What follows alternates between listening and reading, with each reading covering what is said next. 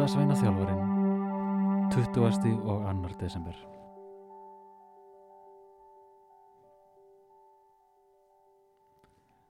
Hallur var nýfærin að sofa þegar hann fann að það var stuggað létt við honum. Það var ekki afið sem bankaði öxlin á honum. Þegar Hallur opnaði augun sá hann andlit ketkróks brosa niður til sín. Góða kvöldið. Afiðin sagði að þú hefði reyðt vil gaman af að kíkja á rúndin með mér. Hallur var smá stund að átta sig á hvað hann var að tala um, en trúði valla sínum eigin eirum þegar hann gerði sig grein fyrir hvað ketkrókur myndi. Hann klætti svo örskottstundu og gekk svo ásamt ketkróki, já, að lestarstöðinni.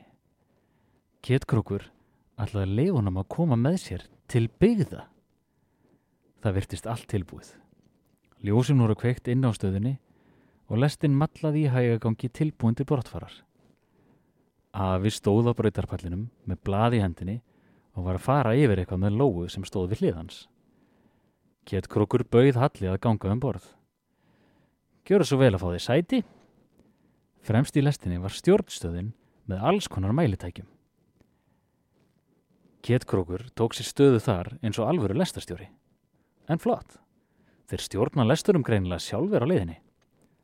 Þar fyrir aftan voru nokkra sætaraðir eins og í strætó og aftast í lestarvagnanum lág fjöldin allur af stórum sekkjum. Hallur vissi sko alveg hvað var í þeim. Afi og Lóa veifuð honum í gegnum gluggan og Halli heyrðist þau óska þeim góðurar ferðar. Hallur spendi beltið, rík helt þeirri sætisbæki fyrir framann sig og bjóst við að lestin tæki af stað á ógnar hraða eins og lestinnar og gameskipin í bíómyndunum gerðu.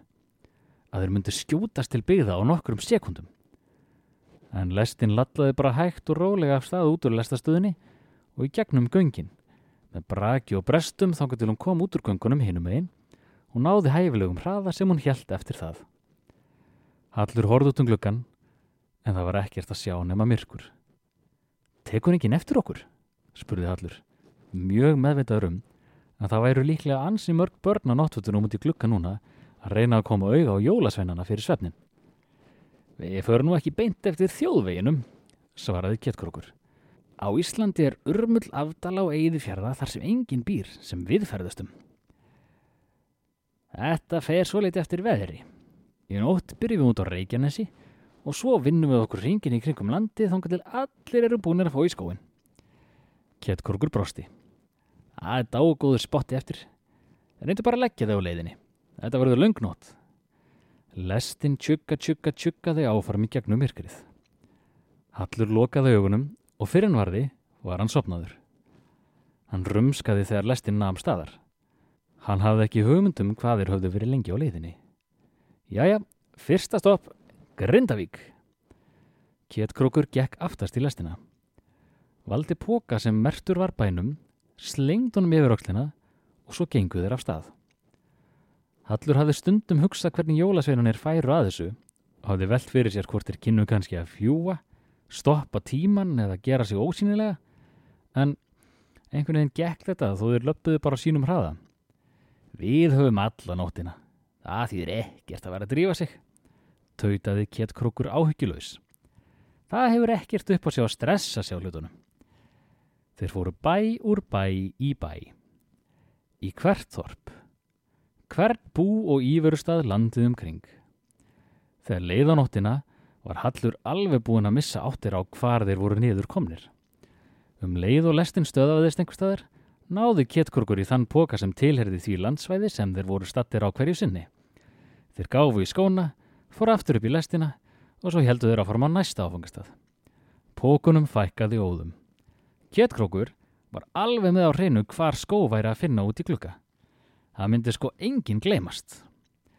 Fólk er ekkert mikið að skilja kjöt eftir út í glugga því miður, saðið Kjettkrókur þar sem þeir deildu súkulaðist ekki undir einum glugganum sem hafði verið látið í gluggakistuna fyrir hann. Á einum staðinum fór Hallur að kannast við sig. Þannig er húsið mitt. Ég er komin heim. Kjettkrókur hlammaði pókanum á jörðina. Viltu kannski gefa sýsturðinni í skóin? Ljósin voru öll slögt. Fyrst lætust þeir fram hjá eldurklukkanum, síðan stofunni og þá stóðu þeir við glukka litlu sýstur hans. Hún svað vært. Guðlistriga skornennar beðir að í glugganum. Eigum ekki bara að gefa henni þessa fínu mandarínu? Ég held ég hafi mér að segja tintana sjálfur. Hallur laumaði hendinni ofurvarlega inn um gluggan og lagði mandarínuna í skóin. Þetta var flott. Þú ert orðin góður í þessu, rósaði getkrókrónum. Hallur gati ekki annað en stoppað aðeins við Svefnherbergis glugga fóraldar sinna á leðinni tilbaka. Í döfri skímunni frá göduljósunum sá Hallur mömmu sína á pappa. Þau voru steinsofandi. Þau hafðu ekki hugmyndum að sonur þeirra stæði þarna fyrir utan um niðdimma nótt. Á morgun myndu þau örgla leggja af stað til ömmu. Getkrókur klappaði hann um aukslina. Þú hittur þau öll fljótlega aftur. Engar áhyggjur. Það var komin morgun þegar Hallur lagðist á kottan í kofanum hjá Hafa. Og þrátt fyrir öll þau æfindýri sem hann hafði upplifað síðustu daga, hugsaði hann að þetta hlíti að vera hápunkturinn.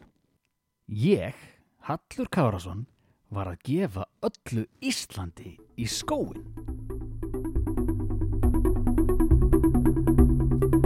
Fluttur var 20. annar kapli jóladagatalsins um jólasveina þjálfaran eftir Egil Haldarsson. Þykist útvarpið 2021.